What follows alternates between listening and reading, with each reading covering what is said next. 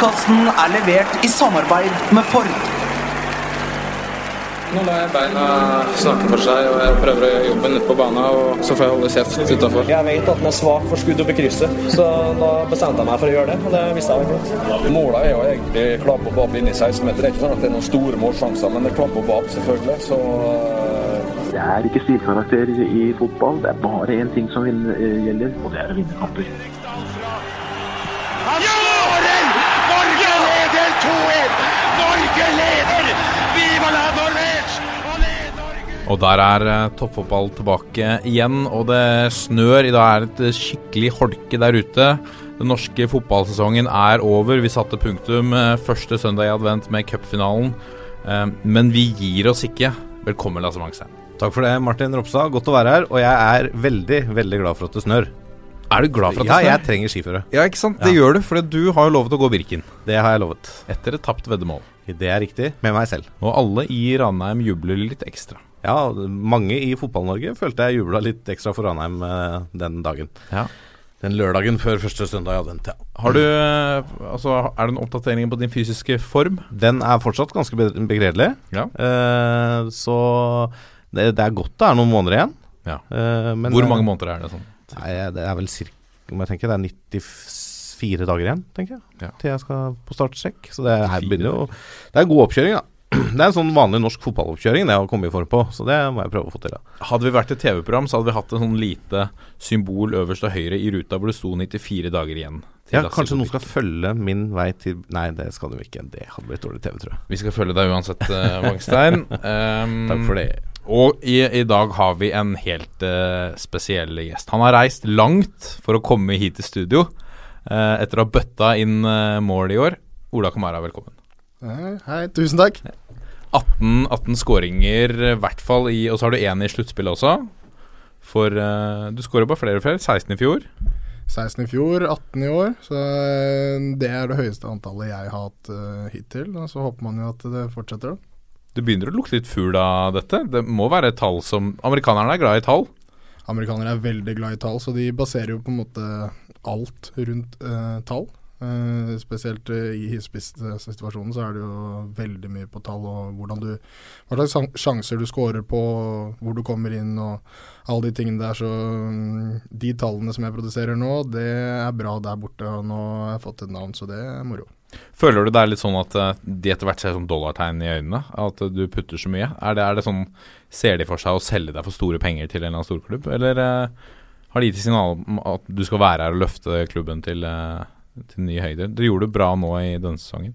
Ja, eh, det er jo litt alltid spennende som fotballspiller, da. Med transfer window, og du vet aldri hva som skjer. eh, Spesielt kanskje i USA òg, men eh, jeg håper jo alltid på at det kommer noe interessant. Men samtidig så trives jeg veldig godt i Columbus, da. Jeg så du smilte litt under introen her. eh, Og hørte Markus Pedersen eh, i starten der. Ja, jeg, Var det som å høre Markus? det var det. Det er, det er lenge siden jeg har hørt stemmen hans nå også. Men det var klassisk Markus-svar, det der. Det er et svar. Jeg stilte han et spørsmål i pressesonen på da han putta tre hat trick. Ikke tre hat trick, men tre skåringer. Mm. Spurte om ikke det var eh, han var klar for landslaget snart, og da var han ganske klar på at nå skal jeg holde kjeft. han eh, var ikke klar for å snakke seg inn der. Nei, han skulle la beina burde- gjøre snakkejobben. Han burde bare trøkke til, han.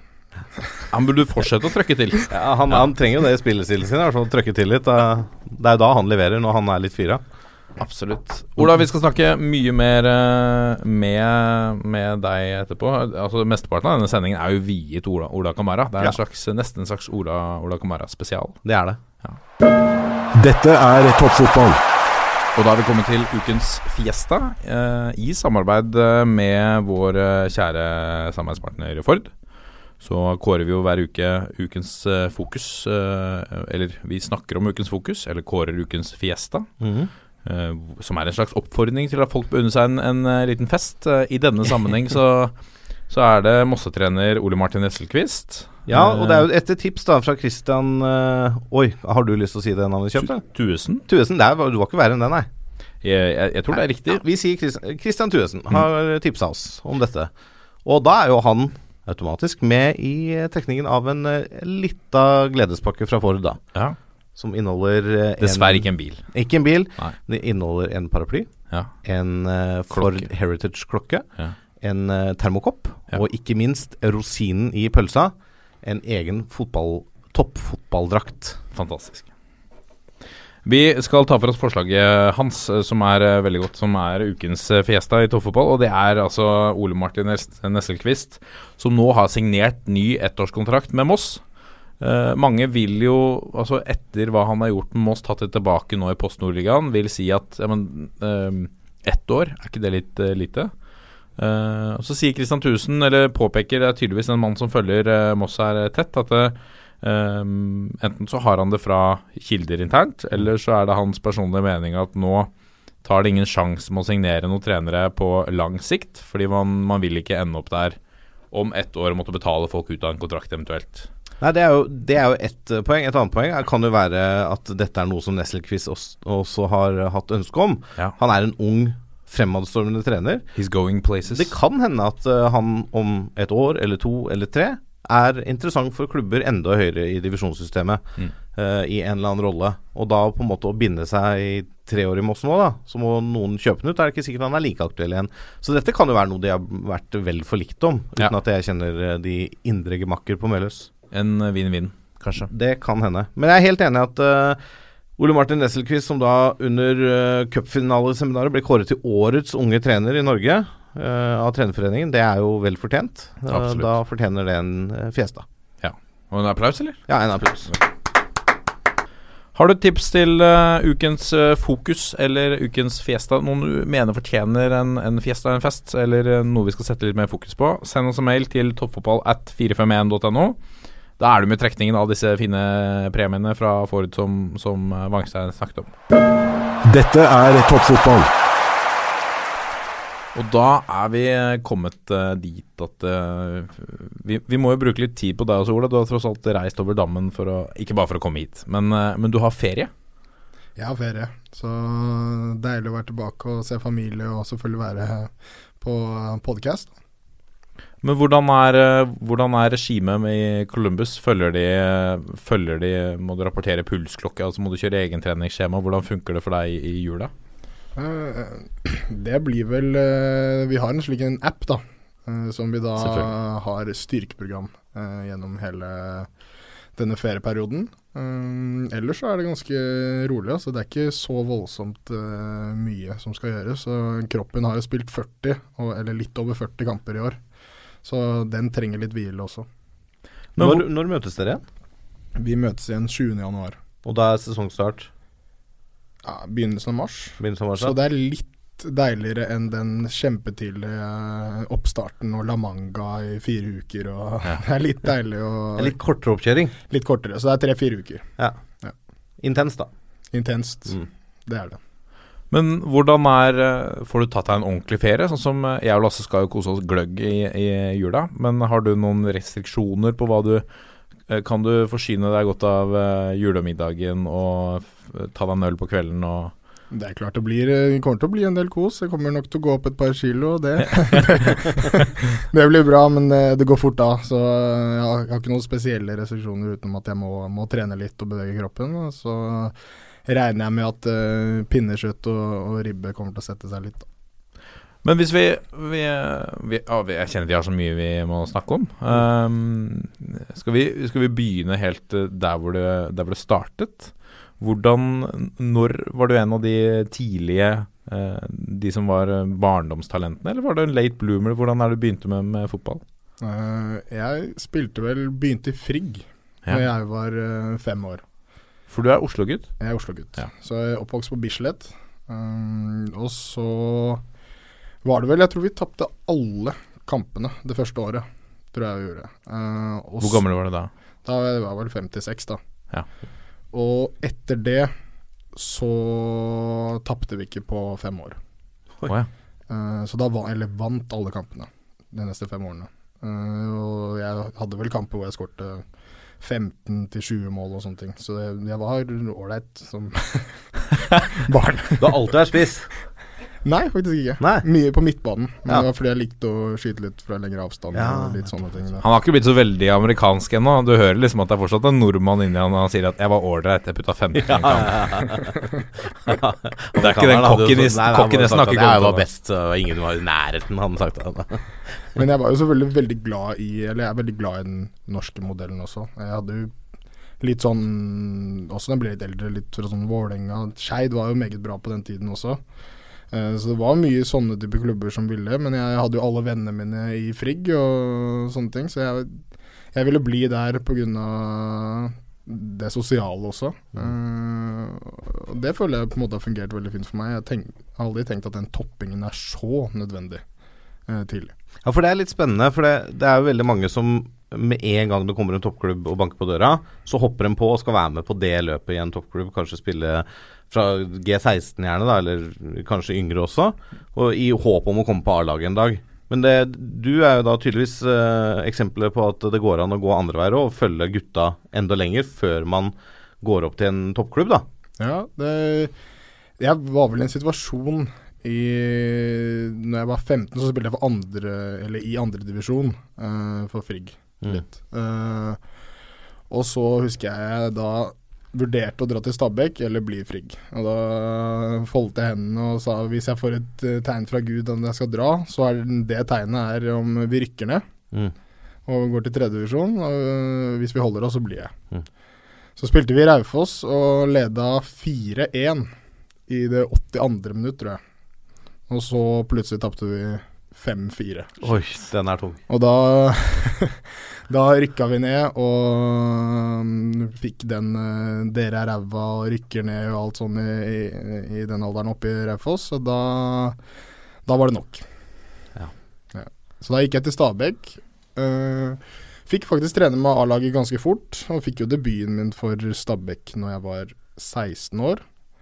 Trodde vel litt at alt var veldig enkelt, og at jeg var litt eh, King Kong når jeg var 16. øh, og det gjorde jo kanskje at jeg ikke greide å gjøre det samme som jeg har gjort før, og spilt så mye fotball hele tiden. For jeg trodde ikke jeg trengte det. Eh, så da ble det litt mer kose seg og styre årene og kanskje nyte at man har spilt i Tippeligaen eh, som 16. Og da, da spilte jeg jo ikke noe særlig frem til jeg nesten var 18-19, og så ble jeg halvveis kasta ut av Stabæk. Ja, for, for vil du si det at du gikk i den fella som vi ser en del norske unge spillere går i, at med en gang de kommer opp på A-lagsnivå, om det er at de får et lite innhopp eller at de får trene med A-laget, så senker de seg litt i treningsmengde, for at nå er jeg, jeg nådd det. Nå er jeg der. Ja, jeg, jeg tror det kontra Eller også ved at jeg tenkte at det var så enkelt. At Ja. Nå kunne jeg liksom eh, ja, Jeg kom jo opp som 16-åring, og det gikk sånn og sånn. Nå kan jeg bare gjøre masse andre ting og kose meg også. Flyte. ja, flyte med. Ja. Det var, fordi jeg hadde fortsatt ambisjoner om å spille på Newcastle, og, for det som er mitt yndlingslag og sånne ting, men, men jeg glemte kanskje grunnen til at jeg var der. Det var at når alle andre dro hjem, så sto jeg fortsatt på Frigg-feltet, og på 17. mai så løp jeg oppe på Marienlyst eh, på gresset der eh, oppe i NRK-huset og spilte fotball mens alle andre gikk i, i dressen og feira. Så Mm. det jeg tror jeg glemte litt hvorfor jeg var der. Det er bare, det er ikke fordi jeg var et rått talent, men det var fordi jeg hadde spilt ekstremt mye fotball. Så var jeg selvfølgelig litt stor i størrelsen også, som gjorde at jeg kunne spille andredivisjon da jeg var 15, og, Ja, ja. og, og spille for Stabæk da jeg var 16. Så du hadde hele tida da du sto på Sto på 17. mai og, og happa eller kjørte skuddtrening, så hadde du Det var Newcastle som hang der framme, eller det, drømmen om å bli proff? Den har hele tida vært Ja, den, var, den svarte jeg siden jeg var fem år, at jeg Ja. skulle bli fotballproff. Eh, Mm. Så er det jo typisk den ja, ja, ja, det, det vil alle. Ja. uh, men da skjønte ikke jeg hva de mente, selvfølgelig. Uh, men uh, den Newcastle-drømmen med Vokste opp med Fustina Spilla som skårer hat trick mot Barcelona, og Alan Shearer og de gutta der. Konfirmasjonsgaven min var vel eh, å få dra til Newcastle, og da så jeg Alan Shearer skåre mål. Uh, og de vant bare 1-0, men den følelsen når han skårte, og hele stadion uh, Det var nesten som det rista. Mm. Og da det tenkte jeg det er det mest fantastiske jeg noen gang har opplevd. Kult. De gutta der, Aspria og, og Cher, og den fantastiske hilsen også til uh, Cher. Ja, det, er, det er så klassisk. Jeg har vel tatt patent på den, tror jeg. Ja. Ja. Så de eh, Både feiringene og de målene som han har skåret, har jeg på en måte lært en del av. Ja. sett mye på Share. Men når du da ble 16 og kanskje litt sånn eh, som du sier, det begynte å flyte litt, hadde du fortsatt den samme drømmen om å bli proff, eller tenkte du at liksom Begynte det å, å svikte litt? Nei, Jeg følte ikke at det, svikta sånn sett, men jeg tror Selvfølgelig er du i en alder hvor du begynner kanskje å få kjæreste eller damer og Ja, jeg vet ikke. Alle de tingene som alle ungdommer vil gjøre, det ville jeg også være med på. Og så trodde jeg at jeg var jo et rått talent, og VG skrev jo, eller Dagbladet, 'her er de største talentene i Norge' og sånne ting. Og så blir det nesten sånn at du tror at det er talentet som gjorde at man var der. Eh, så jeg tenkte fortsatt at jeg skulle gjøre de tingene, men jeg gjorde ikke den innsatsen som trengs for å komme dit. Og det vet jeg veldig godt nå. Mm. Jeg vet at jeg er et treningsprodukt.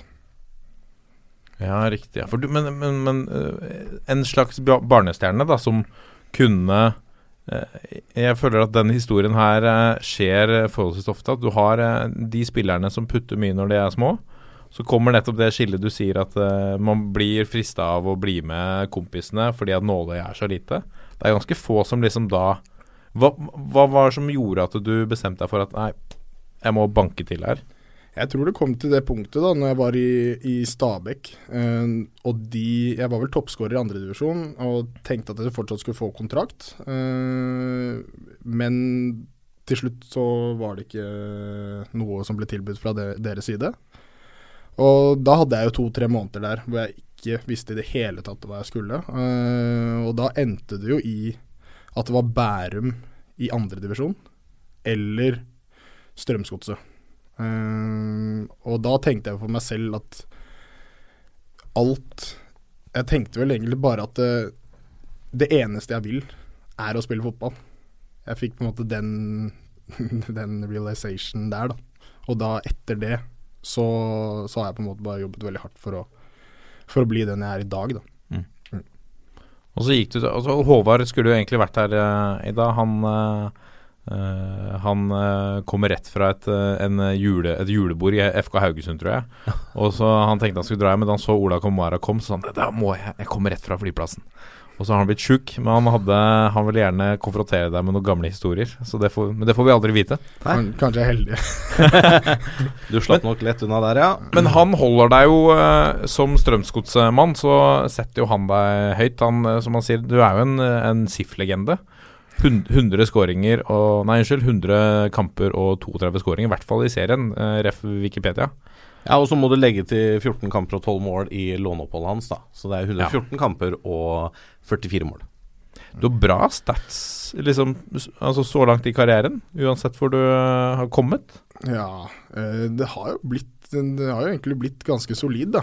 Eh, Det er klart, de, den lille perioden jeg kom tilbake og skåret 12 på 14, var jo på en måte litt sånn at da fikk alle se hva jeg kanskje kunne når jeg er i toppform, da. Mm. Uh, og spesielt med godset som Jeg begynte i godset når vi holdt på å rykke ned. Mm. uh, så det var på en måte første sesongen min. Uh, og så var med på den oppbyggingen til å vinne cupgull i 2010. Og så sølv i 2012, og så da gull i 2013. Så jeg var med på en prosess, og jeg har spilt mye wing, og jeg har spilt indreløper og sånne ting. Men akkurat da fikk jeg spille spiss, og da viste jeg også at det, er spiss jeg skal være. Var, dette, var du der høstsesongen 2013? Ja, det ja. var jeg. Så du var med å løfte pokalen? Det var jeg med. Ja. Åh, det må være stort. Det var Ja, hvor- faktisk ja, hvordan var det? spesielt med den prosessen, da. At du har vært med fra at man holder på å rykke ned, Mm. til å da løfte den. Og det var på en måte samme gjengen som holdt seg sammen også. Selvfølgelig Vi var heldige at vi fikk gode spillere som da Stefan Johansen og Anders Konradsen også, uh, som hjalp veldig mye. Eh, men det å løfte trofeet med gutta og kose seg etterpå, det var, eh, det var en fantastisk følelse. Og noe jeg kanskje har drømt ekstra om pga. at jeg var med på gullet med Stabæk. Men, men jeg var jo bare der. Mm. Jeg bare trente, jeg kom inn i tre kamper og, og det. Så jeg ville på en måte oppleve det samme, men at jeg hadde en stor rolle i det. Og det fikk jeg på en måte gjort, da. Hadde de endra da, i 2008, sånn at du ble seriemester med Stabæk? Du fikk medalje? Jeg fikk medalje. Du er dobbelt seriemester. Dobbelt og cupmester. Yes. Det er ikke mange eh, Det er ikke altfor mange fotballspillere som ikke har spilt i Rosenborg, som skal, kan skryte på seg to seriemesterskap og et cupgull, altså. Nei, og hvis man skal snevre det enda litt mer, det er ikke så mange som har to seriemesterskap med to forskjellige norske klubber. Nei, det er også sant. Mm. Det er ikke så mange av de. Det er en kortere liste. Det blir en, en enda kortere liste. Det er helt riktig. Men uh, da, da må jeg spore av Strømsgodset-sporet litt, grann, men Ja. allikevel så er det relevant. For da har jo du vært i Strømsgodset i hele Ronny Deilas periode. Og da må jeg spørre deg, som, siden jeg er litt glad i den klubben på Valle, uh, Vålerenga. Har du trua på Prosjekt Deila i Vå- Vålerenga? Det har jeg veldig tro på. Ja. Jeg syns Ronny er eh, veldig flink, så jeg regner med at det kommer til å gå bra. Uh, jeg tror det er en fase hvor de bygger opp. Mm. Uh, samtidig så ser jeg jo at det er, det er jo vanskelig å komme opp på Rosenborg-nivå, og kanskje Molde, da. Mm, mm. Uh, så jeg håper jo selvfølgelig at det beste laget i Norge skal spille i Oslo. Det gjør jeg. Det liker jeg å høre. jeg har fått Som Oslo-gutt så har du mm, Så er det jo det som er eh, Jeg vet ikke om Var det liksom et naturlig eh, favorittlag når du var liten?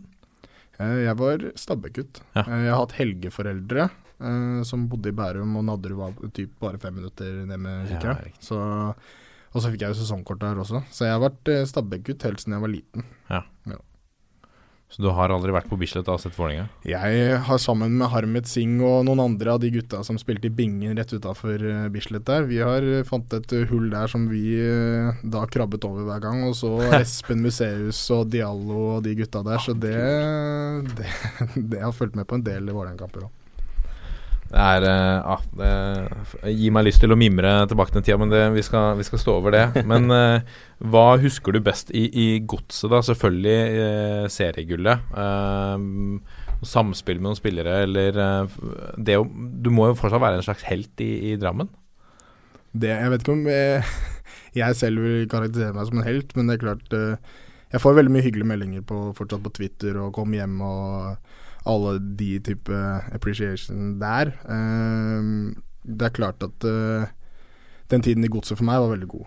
Eh, jeg hadde veldig gode venner der. Eh, jeg er fortsatt veldig god venn med Jo Inge Berge, f.eks.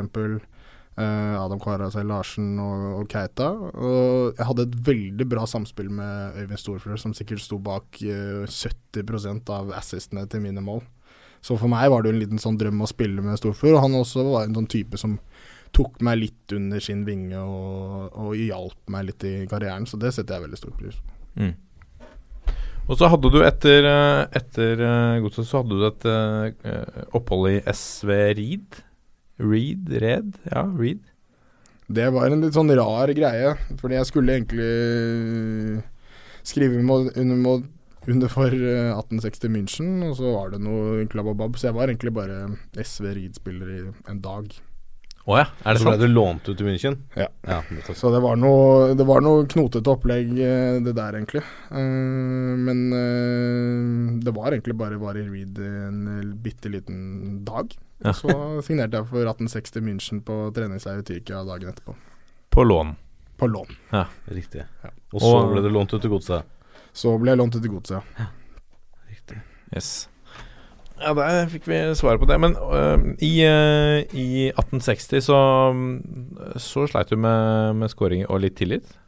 Ja, det var jo litt sånn spesiell situasjon det òg, fordi jeg kom dit, eh, og de skulle jo ha, ha spiss og venstre kant. Eh, etter hvert så fant jeg ut at uh, han uh, agenten min hadde solgt meg litt inn til han sportsdirektøren som en venstre kant og en tier. Ja. Så jeg spilte jo første kampen, to første kampene som en, eh, som en tier, som jeg aldri har gjort før. Og så eh, greide jeg også å få spille Resten spilte jeg en 4-4-2 på venstre kant. Så det var ikke sånn at Jeg føler ikke det at jeg ikke skårte mål og de type tingene der som et nederlag. For jeg spilte aldri i min posisjon, jeg spilte aldri spiss. Og spesielt som 21-åring også, så var det en vanskelig overgang sånn sett, da.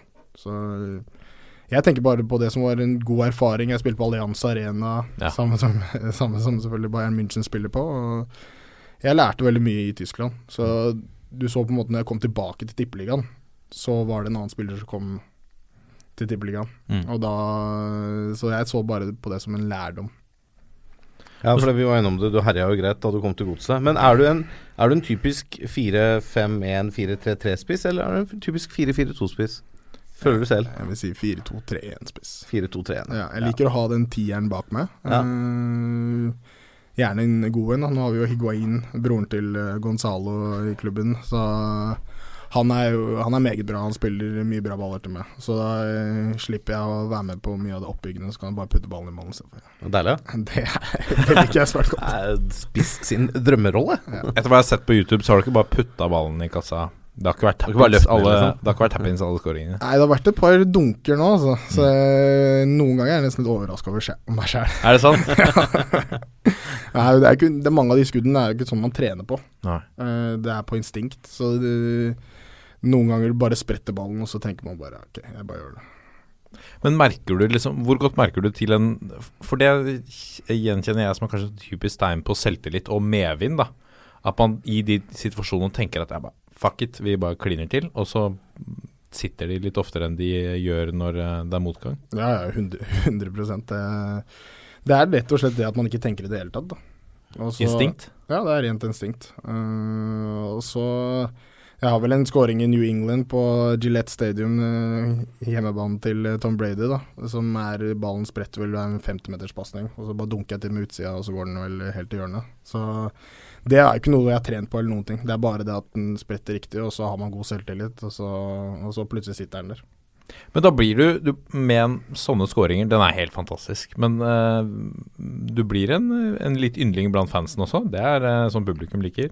Ja, vi har jo veld, jeg har veldig bra forhold til, til fansen i, i eh, Columbus. Uh, de synger jo navnet mitt, da, så der er vel sangen Ola, Ola, Ola, Ola. De morer seg veldig med det, det navnet der, men jeg, har fått, jeg har veldig bra bånd med fansen. Uh, men det har jeg faktisk hatt uh, typ i, egentlig litt i Stabæk og, og, og Godset òg, så jeg føler at uh, det er en del fans som liker meg, og så er det selvfølgelig mange som ikke gjør det da. Hvorfor tror du at de har sansen for deg som spiller, da?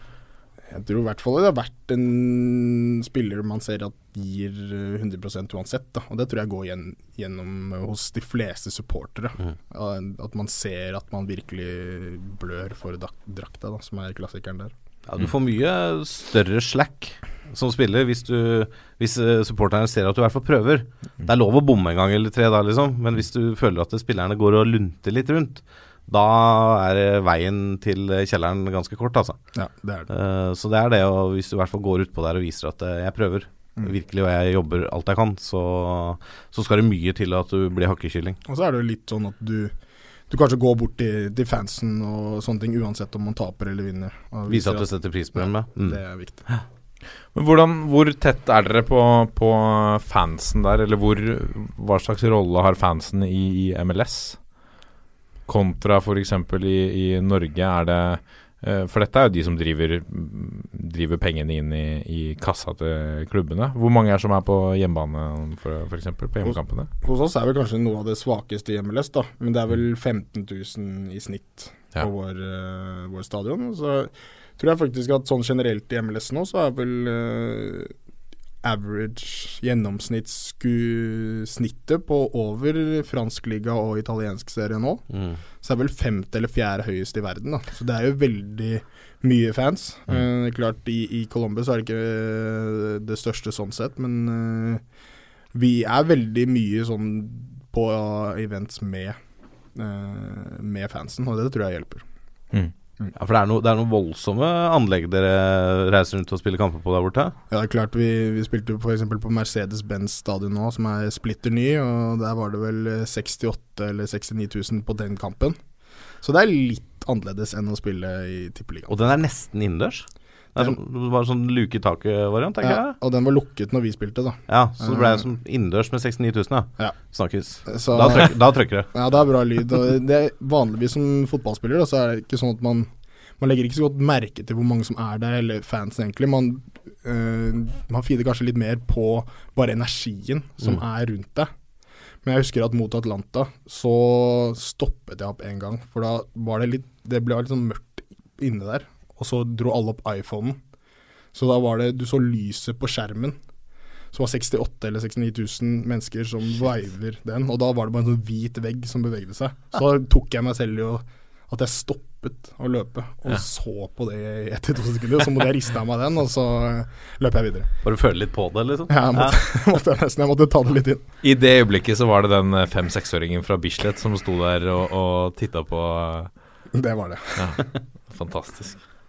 Og så var det, som vi snakket om, hvis vi følger eh, kronologisk eh, karrieren, så eh, selvfølgelig 2013 og, og gullet. Uh, hvor uh, hvis du ønsket å, å, å spille en viktig rolle, 12 mål på 14 kamper uh, Og det, var det da vi først begynte å snakke om Ola Kamara på landslaget? Det var første gangen. Ja. Ja. For før det så var det var ikke i nærheten. Nei. Nei. Hvordan opplevde du Hvordan opplevde du det? Jeg regner med du også Altså Du hadde en drøm om å bli proff som liten. Jeg regner med at du har sett for deg å, å spille på landslaget også. Da det først begynte å komme de, de ryktene, eller folk prøvde å ville snakke deg inn på landslaget? Det husker jeg veldig godt. Jeg var litt annerledes enn nå, kanskje. Da var jeg litt sånn Nå er det sykt bra at nå må jeg jo inn på landslaget, og var litt mer på, på den. Det var selvfølgelig kult, og første landskampen og sånne ting var ekstremt stolt. Eh, jeg tenker at det var litt annerledes nå. Mm. Fordi spesielt når du bor i utlandet også, så blir det litt sånn at du merker hvor stolt alle andre er av, eh, av å spille for landet sitt. I tillegg så savner jeg såpass mye av kulturen og alle de menneskene Alle de jeg elsker er jo fra Norge. Mm. Og det å få spille for alt du elsker, Mm. det syns jeg er veldig stort. Så det var mer den tilnærmingen jeg hadde nå, at jeg syntes det var helt fantastisk å få spille for landslaget. Før da, som den perioden som du snakker om nå, så tenkte jeg litt mer sånn åh, nå må jeg jo på landslaget og, sånne ting. Så det, det har endra seg litt. Mm. Men jeg har bare lyst til å Den avgjørende kampen som dere da måtte vinne for å ta seriegullet hjemme mot Haugesund. Med det legendariske klippet av Kasper Wikkestad på 1-0-skåringa eh, da av Ola Kamara. Ja. Hvordan var det å Altså, du skåra 1 og 4-0. 4-0 rett før slutt, og så ser jeg du pådrar deg et gult kort etter den skåringa. Er det for feiring? Det er for feiring. Det er feiring, ja. Det er Det, og det er greit. Det- På 4-0, og da Det er innafor. Av og til så er det dumt å dra seg drakta etter 13 minutter og få gult kort, men uh, etter 91, når du vinner 4-0 og tar seriegullet, da er det greit. Da er det greit. Hvordan var det å, å, å være så toneangivende i en sånn kamp? En så enorm kamp for Strømsgodset. Vi dro vel opp til Tromsø kampen før, og vi kunne vel vunnet det der. Da husker jeg nesten at jeg tenkte vinne det opp i Tromsø her nå, det Det er så mye gøy å vinne hjemme. Ja, ja. Eh, så jeg hadde en helt annen motivasjon for den, den kampen hjemme der. Eh, den ble bygd opp veldig òg. Så kommer vi jo til stadion, og vi er jo ganske sikre på at vi skal vinne. Og vi har jo vunnet nesten alt på Marienlyst og sånne ting. Eh, og så kommer jo Haugesund med veldig avslappede skuldre. Rundspiller vel også egentlig i første omgang. Vi er ikke i nærheten av noen ting, og vi løper mellom. Vi greier ingenting. ja, for de sikra plassen runden før, de, gjorde de ikke det? Jo. Ja, Nei, nei, jeg tror faktisk de fikk fjerdeplass. Ja, stemmer. eller- De kom ganske langt opp, men de hadde ikke noe særlig å spille for, nei, så de Nei. kunne bare gå ut og kose seg. Ja, så det var typ Når du spiller mot avslappede spillere, så gjør de ikke så mye feil. Nei. Så vi greide jo på en måte ikke å få tak i ballen ordentlig. Jeg ga maks innsats. Uh, bare løp på og var ikke i nærheten av noen ting. Uh, og så husker jeg jeg kom inn i garderoben, og så så jeg rundt meg, og folk var litt sånn Samme som meg, bare sliten og liksom sånn. Så det husker jeg tenkte for meg selv. Tenkte jeg bare Det kan jeg avgjøre.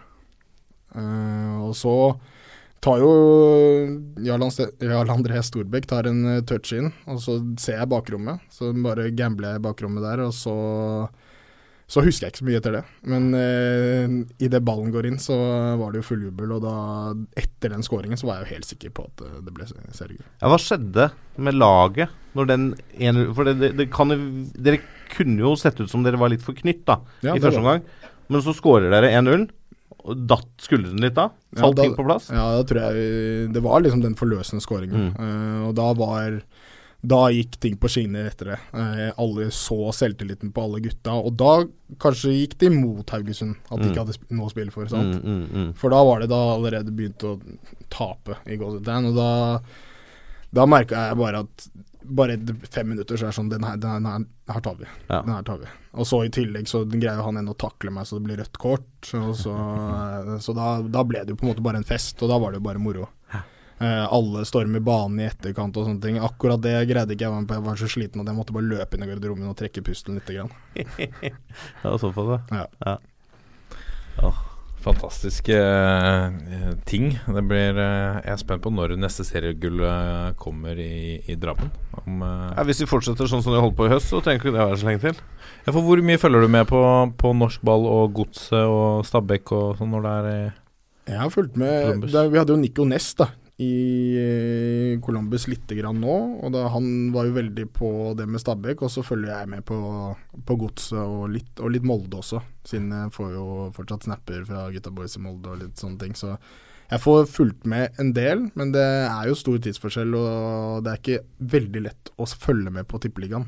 eh, Eller hva som skjer der eh, fra andre land, for alt er jo da rettigheter på. Mm. Så det er kanskje en negativ ting for norsk fotball, er på en måte tilgjengeligheten på alt. Kontra veldig mange andre steder hvor du kan nesten se det direkte på Twitter eller direkte på andre medier. Da. Mm. Det tenker jeg også på i forhold til profilbygging for norske spillere. Eller utenlandske spillere som kommer hit og skal vise seg frem. Så er det vanskelig å vise seg frem når det ikke går an å følge med. Ja. Ellers så kan man jo lytte til eh, denne podkasten hver uke, hele sesongen. At, ja, det er fint. Men etter seriegullet og eh, en fantastisk eh, sesong til i Godset, så gikk turen til Austria Wien. Eh, og der eh, um, hvordan, var det, hvordan var det oppholdet der? Eh, nytt land? Litt ny fotballkultur? Eller hvordan var det sammenlignet Stor forskjell fra Norge, kanskje? Ja, altså på sånn kultur og sånne ting. Det var litt høyere tempo i ligaen. Eh, De kom jo fra å vinne serien året før og hadde jo spilt eh, Champions League gruppespill eh, rett før jeg kom. Men så var det en veldig vanskelig situasjon da, pga. at de eh, de jo, hadde prioritert Champions League, virket det ut som, og alle fansen var veldig misfornøyd, så jeg kom til en litt sånn dårlig situasjon. Det var vel etter to uker så sparka de jo treneren som absolutt ville ha meg. For jeg hadde jo Ja. lært av den situasjonen i, i 1860, hvor kanskje sportsdirektøren hentet meg, men treneren visste nesten ikke hvem jeg var. Eh, så det var jo på en måte et problem i 1860, så nå skulle jeg til en klubb hvor treneren virkelig ville ha meg, og hadde planer for meg. Uh, og jeg, Man kommer jo ofte i litt dårligere form når man kommer fra, fra ferie. Så de, han hadde en plan for meg, og du skal først skal du spille 15 minutter, og så går det fra der. Eh, men så blir jo han sparka etter første kampen. Vi spiller mot Rapid Wien, eh, og da, da begynte på en måte trøbbelet, for da kom det en juniortrener inn som da brukte de spillerne mest, i hvert fall, eh, som han hadde hatt type i akademiet, eller som han kjente godt fra før av. Eh, så da måtte jeg begynne helt på nytt igjen på scratch, i kanskje ikke verdens beste form. Men greide jo på en måte å spille meg inn derfra igjen. Eh, etter hvert på sommeren der startet jeg kamper og egentlig gjorde det veldig bra. Men så bomma vi på Europaligaen, kom ikke inn. Vi bomma på en straffe i siste matchen som gjorde at vi da ikke kom til Europaligaen, og da ble han sparka. Så kom det jo inn en uh, tredje trener der som egentlig bare vi ikke klikka med en gang. Uh, så da ble det slik at eh, det var litt sånn hatforhold nesten fra første blikk. Så det, oh, ja. så det var eh, da, da ble det bare vanskelig. Så da jeg visste på en måte etter bare to-tre måneder med han at eh, jeg måtte dra. Hvordan, hvordan kjente du på det? Altså, hva var det som utløste en sånn Hva skal vi si, en tension eller en dårlig konflikt? Jeg vet ikke, det var litt sånn I starten så følte jeg at han prøvde kanskje litt, men samtidig så vet jeg ikke om han likte Han likte ikke spillestil og litt sånne ting, tror jeg. Eh, og så endte det jo opp med at han sto, sto Han hadde veldig sånn markeringsbehov. Eh, så typ eh, vi sto i en ring etter tapt en kamp, og han skjelte ut alle sammen, og vi har spilt dårlig mot et lag som var lengre nede og sånne ting. Og så jeg er veldig vant til at jeg skal se treneren rett i øynene, men det likte tydeligvis ikke han, for alle andre så ned. Ja. Så jeg så jo på han, og da blikkontakten kom, og da sto han plutselig og skrek meg opp i trynet og hvor dårlig jeg var eh, i 20-25 minutter. Oi, shit. Eh, på tysk, da. Ja. Som jeg ikke forstår så godt. Så etter det så skjønte jeg selvfølgelig at det ikke var så mye å, å være der for. Da blei det litt tungt, si. Ja, det Ja. gjorde det. Men jeg har pleid å si her sånn når vi eh, diskuterer norske spillere eh, som skal til utlandet, så pleier jeg å si ja, de bør reise på sommeren for å få med seg oppkjøringa, istedenfor å reise i januar, komme midt i sesong. Du kommer fra ferie selv, er ferdig med sesong, har spilt et helt år. Eh, er du enig i den anbefalingen? At du anbefaler norske spillere å, å skifte klubb på sommervinduet hvis de kan? Ja, det gjør jeg jo. Det er klart, eh, Moa er vel kanskje et prakteksempel på det. Ja. Hvor du, spesielt som spiss, da. At du Sånn som han skårte jo mye mål. Mm. Så han kommer med den selvtilliten. Han skårte vel hat trick nesten rett før han dro. Eh, Ja, stemmer. Siste kampen på Ullevål er 7-1 mot start, ja. Ja, og så kommer du med den godfeelingen der, og så Mm. er det kanskje de andre spillerne i Hanover er jo ikke i sin toppform ennå. Så da kanskje du kommer og putter de første kampene og er, er litt der, og da, da tror jeg det går veldig mye lettere. Ja. Det tror jeg. Uh, så det beste er nok å gå på sommeren, men samtidig så er det jo vanskelig, da. Mm. Fordi klubber er jo ikke så interessert i å selge halvveis i sesongen. For det er ikke så lett for norske klubber å bare hente noen da og få han inn i spillestilen. Så akkurat sånn er jo litt systemet mot oss, da. Mm, mm. Og jeg tror for norske spillere òg Det er veldig mye politikk i fotball. Og i hvert fall det med hvor mye eh, sportsdirektør og klubb har brukt på deg, og hvor mye du har i lønn og de tingene der. Og, og jeg tror norske spillere er vel de som blir kjøpt for typ minst, da. Mm. Og har ganske lave lønninger i forhold til kanskje alle andre. Så du må jo prestere egentlig ganske mye bedre enn de andre for å få spille. Ja. Og så da kommer jo litt det som du snakker om, at når du kommer ikke i den beste formen i tillegg da, så blir det tøft. Men blir norske spillere sett på som en, et røverkjøp? Opplever du det? At vi, her har vi en, en billig utvei. Vi kan ta en sjanse på en, eh, en eh, ung spiss fra, fra Bislett som er mye billigere enn å kjøpe en eh, engelskmann eller en tysker eller lignende. Og så ja, lykkes den ikke, så er det greit, på en måte?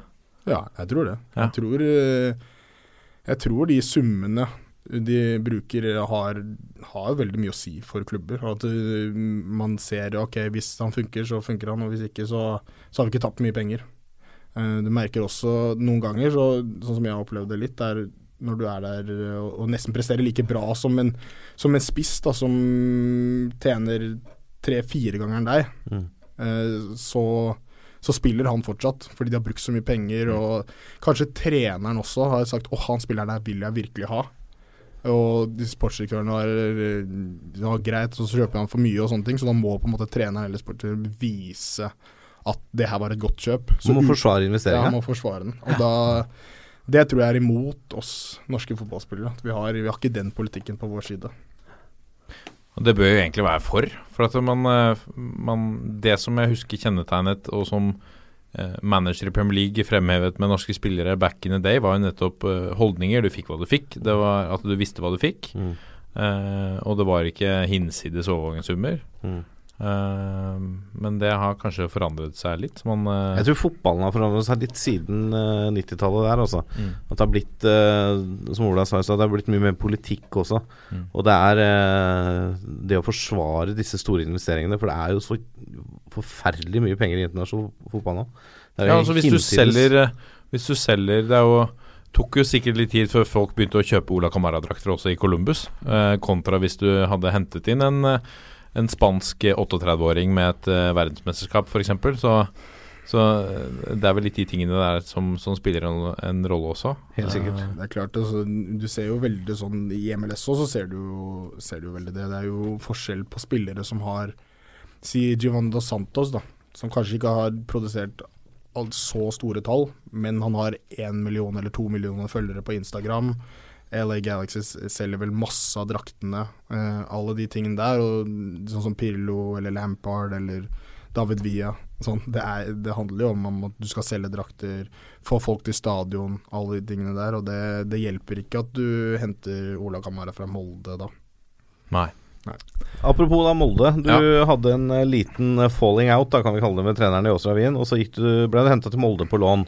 Ja. Hvordan var det året? Det ble jo ikke ble vel kanskje ikke helt som uh, ønska og forventa i seriespillet, men dere gjorde det ganske godt i Europa?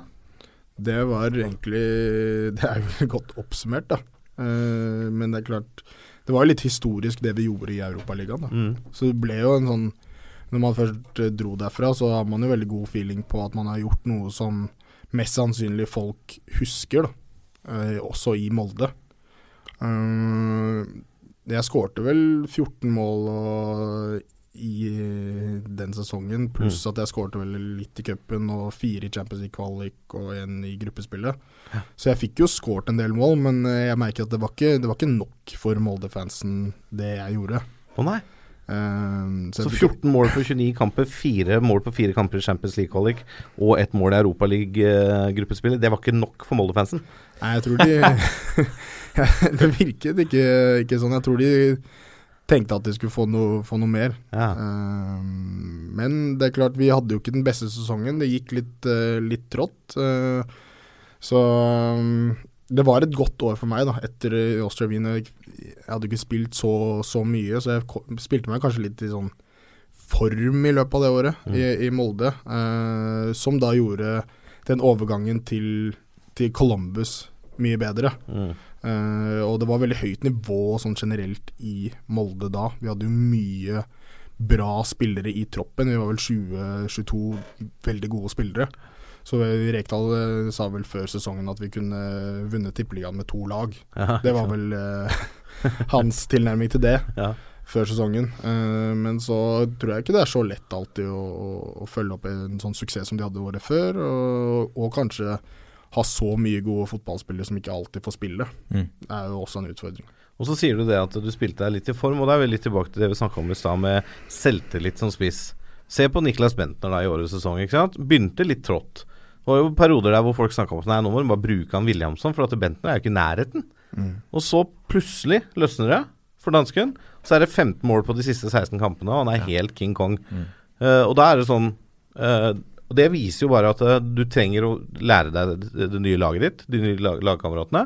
Og som spiss så trenger du litt selvtillit foran kassa. Ja, og så må du finne ut Jeg føler som spiss må du finne ut hvordan ballene kommer fra lagkameratene dine, Mm. og hvor du må være for å score. Og noen Mm. ganger tar det litt lengre tid. Mm, mm. Så jeg trodde jo alltid at Bentner kom til å skåre mye mål i Rosenborg. Og hvis han blir der neste sesong, så kommer han sikkert til å skåre enda flere, for nå har han den kjemien med de gutta. Mm. Eh, så det kan man jo Det kan jeg sikkert si at han mest sannsynlig kommer til å skåre mer mål neste år. Ja, og jeg tror, vi har snakka om det litt, jeg tror han blir i Rosenborg i hvert fall uh, vårsesongen. Mm. For det å skifte klubb nå for Bentner og risikere VM-plassen, det tror jeg ikke han er interessert i. Han skal spille fotball, og han får plass i, til Russland hvis han er i Rosenborg og spiller fast. Og det Ja, gjør, gjør det tror jeg er en god analyse. Ja. Så, Men som du er inne på, eh, prestasjonene i, i Europa med Molde Molde, eh, om ikke jeg husker feil, ble nominert til årets lag i Europa den eh, etter de resultatene der, som mange, mange, mange hevet øyenbrynene for. Um, Vi gjorde det, ja. Det er nytt for meg. ja, det det var noen fantastiske resultater der, da. Helt, eh, Altså- helt fantastisk. Å Og det- vinne, å vinne gruppa med Celtic, uh, Fenerbahçe og Ajax, det var ingen som så for seg. Det er ryddig, altså. Det er ikke så lenge siden det kunne vært en, en Champions League-gruppe med Molde som en soleklare jumboen. Ja, det, altså, Sånn jeg tenker. ja, det er jeg helt enig i, men når du ser den gruppa også i 2015, Ja. så er jo Molde lavest rangert. Ja, ja, ja. Og det er, det er store europeiske klubber. Altså Ajax har vunnet, og Celtic har vunnet. Begge de har vunnet Champions League tidligere. De, er, de spiller Europa hvert eneste år. Nå var det vel Ajax røyk ut Europa mot Rosenborg i år. Det var første gang på ja, var det 20? 22 år de ikke hadde vært i Europa. ja noe sånt. I, i gruppespill i Europa. Lenge siden. Ja. Så det er jo, det er jo var jo, de, de var jo i finalen nå i Europaligaen før han i året før Ja. så spilte de finale i Europaligaen. Altså Dette er lag som kan Europa, og som har vært der, og Fenerbahçe også. Ja, der var det jo Robin van Persie og Ja, ja. Meireles og, og mye, Bruno Alves. Det var mye gode fotballspillere der. Ikke sant? Så det å, å vinne den gruppa, det er Altså det fremstår For meg så er jo det kanskje en av de norske euro, europaprestasjonene som er helt der oppe på nivå med de største til Rosenborg da, i Champions League. For å, å vinne en sånn gruppe, det er så ekstremt, faktisk. Altså, vi, jeg tror man Jeg kunne jo følt litt på at hvis det, vi hadde vært Rosenborg, så tror jeg kanskje man hadde fått litt mer creds for Mm. det, den Mm. prestasjonen enn det vi gjorde òg. Nei, jeg ser, jeg ser den, altså. Det var ikke så mye i media om det. Og så kan man jo på en måte se hvor mye det var i media bare av å slå ut Ajax. Nå, ja. Ja. ja. Ikke sant. Ja, det er sant. Det. Det er et eh, godt poeng. Um, før, vi, før vi eh, tar turen eh, over dammen, vi skal snakke mer om det selvfølgelig, men den beste uh, Og nå utfordrer jeg deg litt her, da. Men den beste spilleren du har spilt med i, i, i de norske klubbene, kan du uh, Uh, Klarer du å plukke ut én eller to eller tre som liksom er uh, det, det skal jeg greie. Ja. Um, jeg ville vel kanskje sagt at det Alan Sidney presterte, Mm.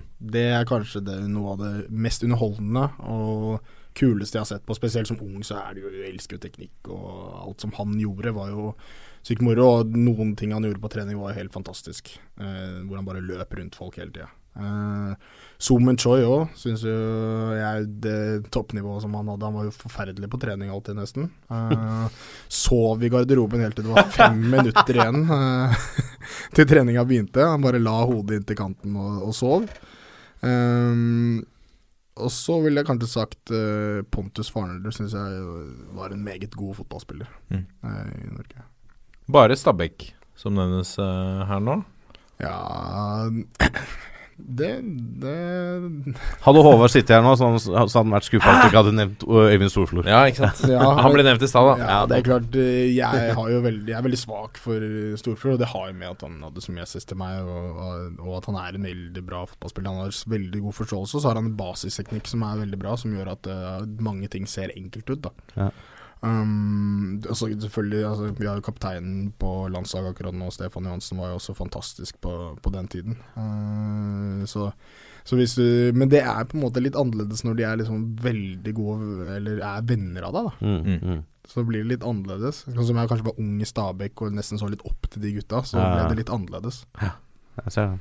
I hvert fall litt sånn Alasinho. Jeg tror det var eh, flere enn Stabæk-fans som kløp seg litt i armen når de så han spille og tenkte at er han her? Når uh, han er her på lånt tid? Ja. For han var helt fantastisk. Ja, han, eh, toppnivået hans var uh, greit. Ja. Men det var jo Men altså, den der angrepet Jeg skjønner jo det var vanskelig å spille seg inn på det Stabæk-laget, da. Ja. Med Nanskog, uh, Veigard Pall og Alan Sinjo i trio-troikaen foran der. Det var nok verste tiden å komme som, som ung spiss Ja. eh, til Stabæk. Jeg tror både før og etter så hadde det nok vært mye mer spilletid. Mm. Det hadde det. Hvilke spillere er det som, som du husker av eh, kanskje forbilder, og som har tatt seg godt? Som er flinke med unggutta? Som, eh, som eh, sørger for at de blir ivaretatt? Det er noen vi kjenner noen som ikke er like flinke, og som eh, bare kjenner på trusselen. Men så er det også de som er flinke til å være en slags fadder for de unge som kommer opp og fram. Mm. Jeg syns jo Jeg kan ta en eller to Stabæk, da. Så syns jeg jo Tom Stenvold og Mike, Mike Sjøle var eh, veldig, veldig bra på det. Veldig sånn tar eh, Tok folk under vingen. Så kan det ta Alexander Aas da i, i Godset, som var veldig inkluderende og passa på gutta og nede på La Manga vaska klærne og bretta de for oss. Det trengs, da, fordi det hvis noen, uh, noen av personer hadde kommet inn og sett de leilighetene i La Manga, så er det bare bomba med snus overalt og in bare illeluktende klær og sånne ting. Så de fleste, det er vel noen som skulle hatt med mødrene sine. Det er kanskje meg inkludert, da. Det kan jeg skrive under på, fordi der, ja Lukt, altså treningsklærslukt, det, det lukter. I en leilighet på La Manga, det kan jeg si. og litt mat på benken og sånn, for at man blir jo lei av den der maten oppe i restauranten der med bare sånn pasta og kylling. Ja. Og på hotellet her. Så Jeg har hørt at det er begrensa med, med tilbud på La Manga der. Selv om I hvert fall på det hotellet finnes- man bor på. Ja. Men det er noen fine restauranter utafor der, da. Men Ja, det, sier det? det er jo ikke inkludert i pakka, vet du. Nei. Å nei. Riktig. Men du har øh, øh, vært spiller under altså, i hvert fall øh, to av de mest øh, profilerte trenerprofilene vi har i, i Ronny Deila og, og, og Solskjær bl.a. Hva er, hvis du setter de opp mot hverandre, hva er forskjellene og likhetene mellom de to? Du kan jo kanskje Likheten er vel passion for faget. Mm. Det, det har begge to. Eh, Ronny er veldig på det psykologiske. Eh, jeg føler at han er veldig på den totalrammen og det å, å trives og være profesjonell og altså, den 24-timersutøveren. Uh, og, og tenke på hvordan Tenker veldig på hvordan unge spillere skal, skal gjøre ting. Uh, jeg tror han kanskje nesten tenker at han hadde vært bedre hvis han hadde gjort det selv som ung. Ja. Så han er Jeg føler at han Han kjenner på det, Han liksom. kjenner litt på det. Eh, Ole Gunnar er kanskje litt mer eh, sånn som jeg opplevde han, litt mer sånn eh, taktiker og litt mer manager. Litt mer eh, England og kanskje Selvfølgelig han har jo hatt Ferguson som trener, så det er, det er litt mer den managerrollen. Men han også er jo virkelig sånn glad i å bruke unggutter og sånne ting, så de har vel også den likheten, da. Ja, for Solskjær er kanskje ikke like synlig på feltet som eh, Deila? Nei, øh, ikke så synlig kanskje, men øh, jeg husker jo vel en eller annen avslutningsøvelse som vi hadde, var, eh, var finishing, da. Så var det noe legg eh, som skulle, og så skulle vi jo dunke ballen i kassa, da. Eh, da fikk han en høy ball over seg inne i- 16-meteren som bare dalte ned og rett på venstrefoten hans, og rista smakk opp i krysset. Sykt fornøyd med seg selv, selvfølgelig, og så skulle vi gjøre det etterpå. Og Da kunne han stå og dømme oss, da, selvfølgelig. Så da når det skjedde, så så alle på hverandre og himla, Fordi da visste vi hvordan treninga kom til å bli. Ja. Kan du huske noen skikkelige sånne eh, Hva skal vi si, hårfønere, eller har han Har Solskjær arvet etter, eh, etter eh, Ferguson? Eller er han en rolig og sindig mann i, i garderoben? Nå gikk det jo veldig bra, da, Ja. når, vi, eh, når han kom inn. Så det var vel egentlig bare oppturer sånn sett. Så jeg har ikke opplevd det. Nei. Men jeg veit nå at det er litt annerledes. Det smeller litt. Jeg tror du gjorde det nå i den perioden eh, halvsesongen hvor det ikke gikk så bra. Ja. Ja. Og så er vi kommet til eh, 2016 og, og eh, Columbus. Columbus eh, Crew. Hva tenkte du da du først fikk det tilbudet? Og fikk du, fikk du en litt andre tilbud?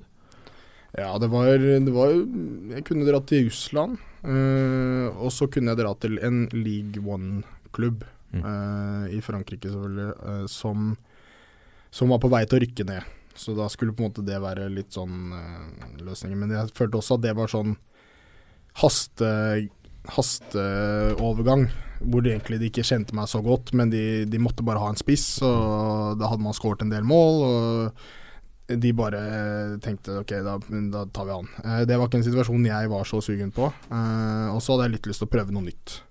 Så ringte jo også sportsdirektøren til, eh, til Columbus, samme som da den franske klubben eh, gjorde.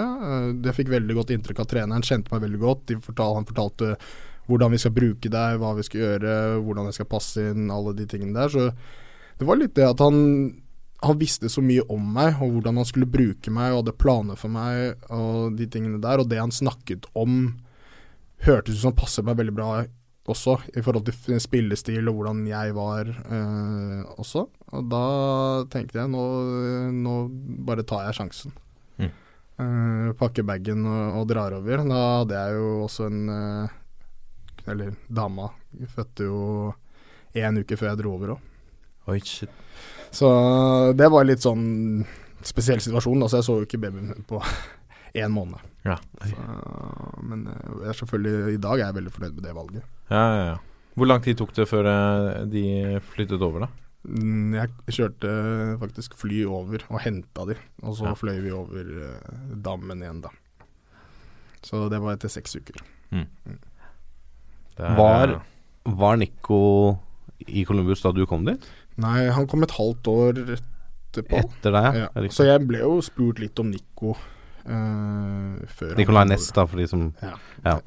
Nei, så jeg ble spurt litt om han. Jeg sa at han er jo veldig bra med ball og kunne passa, for jeg er veldig sånn ball po- possession-lag. Mm. Uh, så, så fikk jo han spille mye en god periode, og så var det trått de siste tre månedene. Ja. Uh, så for var litt på tribunen og litt på, på benk, og da tror jeg det var deilig for han å kunne gå til Heerenveen. Mm.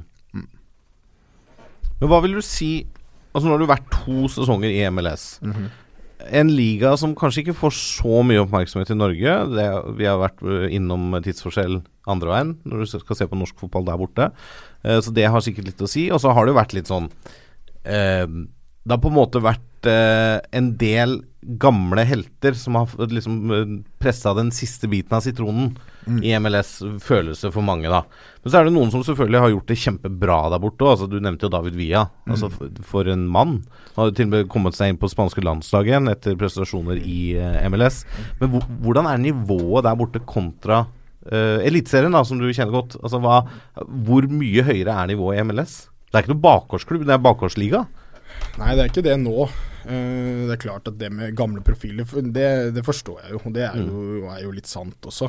Eh, men det er mye bra spillere der. Og så kan du se sånn som Tata Martinez er jo trener i Atlanta. De Mm. kjøpte spillet for 12 millioner pund.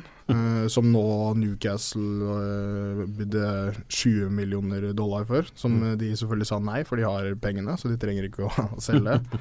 Um, så det er, det er det som er i MLS, er at det er veldig mange gode søramerikanere Mm. som da ikke har nok kamper for landslaget til å spille i de beste ligaene i Europa. Nei, på grunn av Du må spille 70% Ja, riktig. Så det, det var kanskje de som imponerte meg mest når jeg kom over. Det er på en måte de søramerikanerne som er helt rå.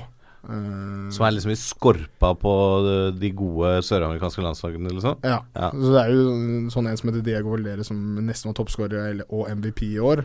Han har jo fire landslagskamper for Argentina. Ja. Men det er jo ikke nok. Nei, ikke sant. Ikke sant? Så han for eksempel er jo meget bra. Ja, Du får ikke oppholdstillatelse i England. Nei. Nettopp. For eksempel. Mm. Så det er, det er litt, litt sånn, og så er det selvfølgelig mange av de som Steven Jarl gjorde ikke noe bra der borte. Og han kommer jo fortsatt fra et Liverpool-lag som nesten vant Premier League. Mm. Pirlo kom jo direkte fra Champions League-finale. Mm. Og uh, Givinco har jo vært veldig bra der borte. Skåret mye mål.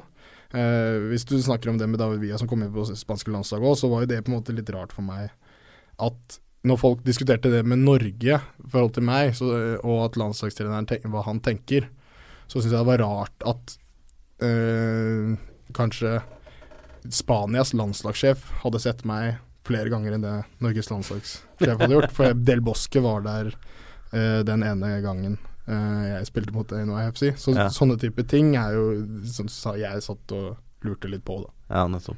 Ja, jeg, jeg skjønner jo det. Det, det, det, det Og vi, vi diskuterte det faktisk i, i etterkant her også, at det at ja, David Villa ble tatt ut på det spanske landslaget. Som er, Det var godt nok for dem. Det var godt nok for dem å hente fra MLS, men ikke for oss, da. Ja. For vi også har jo stussa på det med den skåringsratioen din i år, at ikke du har vært med tidligere. Eh, men det er klart, det, hvis du snakker om nivået, så vil jeg jo sagt at det er, det er litt sånn vanskelig Hvordan skal man egentlig sammenligne sånne ting? Men eh, jeg tenker at sånn som Rosenborg f.eks. hadde sikkert gjort det fint i MLS. Mm. De hadde ikke vært det beste laget, men det er mye jevnere. Alle stadioner du drar til er fra da selvfølgelig den minste stadion som vi har, 15 000, og opp til da 72 000. Mm, mm. Så du drar jo alltid og spiller foran mye mennesker. Eh, Du har på en måte det presset. Det, det er strøkne gressbaner. eh, Det er gode spillere i hver eneste klubb.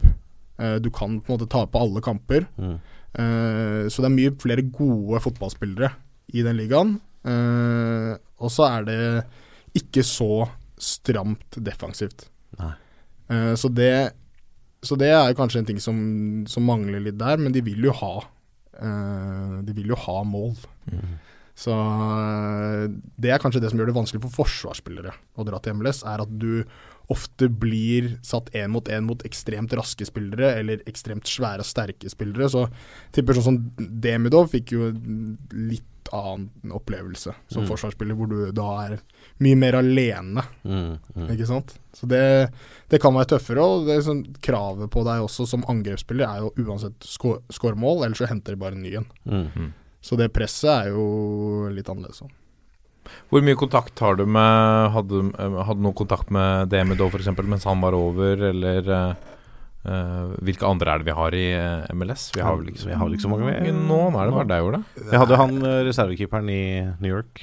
Ja, så han, Holmen Hansen. vi har jo, jeg besøkte jo Mix da da jeg var Mix, der. ja. Eh, og da var jo han eh, Erik Holmen der også. Ja. Eh, Keita jo Keita har kommet nå, ja. ja Til- så han har vært på besøk hos meg i Columbus. Ja. Uh, For han er i Red Bulls. Han er i Red Bulls. Ja. Uh, så han kommer ikke i toppform, så nå håper jeg virkelig at han kan uh, få en bra preseason og kanskje vise litt i MLS nå. Det kan vi jo si ganske greit, at han var ikke i toppform i den halve sesongen i Vålerenga. Nei, det er helt riktig. Han var mye skada, da. Det, skal, det selvfølgelig må tas med i den beregninga. Men ligasystemet er jo litt annerledes enn vi er vant til. For det er vel ingen som rykker ned fra MLS? Det er ingen som rykker ned. Nei. Det handler om å bygge opp profiler og lag, og da er det et problem hvis folk rykker opp og ned. Ja, ikke sant? Jeg føler at det er litt sånn. Så her, dere har da uh, et seriespill hvor uh, man går videre til uh, sluttspill. Og så er det den som vinner da MLS Cup til slutt, er liksom årets mestere? Er det sånn det fungerer? Ja, det er sånn det fungerer. Så du har jo Supporter Shield. Det er de som da vinner sammenlagt. Da legger du begge, både West Coast og East Coast, sammen. Ja. Den som har fått mest poeng, er selvfølgelig Seriemester, på en måte? Seriemester. Ja. Eh, men i USA så er det ikke noen tradisjon for det. At det er stort. Nei. Så det er playoff, å vinne playoff, som er det viktigste. Så det er ingen som tenker over hvem som vant som Nei. serieleder. Nei, ikke sant. Mm. Andre måter å gjøre det på. Det fins flere veier til Rom. ja, og jeg synes det var Det er jo selvfølgelig kult og litt sånn eventyr. Altså Det er noe helt annet å spille det, eh, Ja. et sånt system. Og det, jeg syns egentlig det, det også er veldig gøy, da.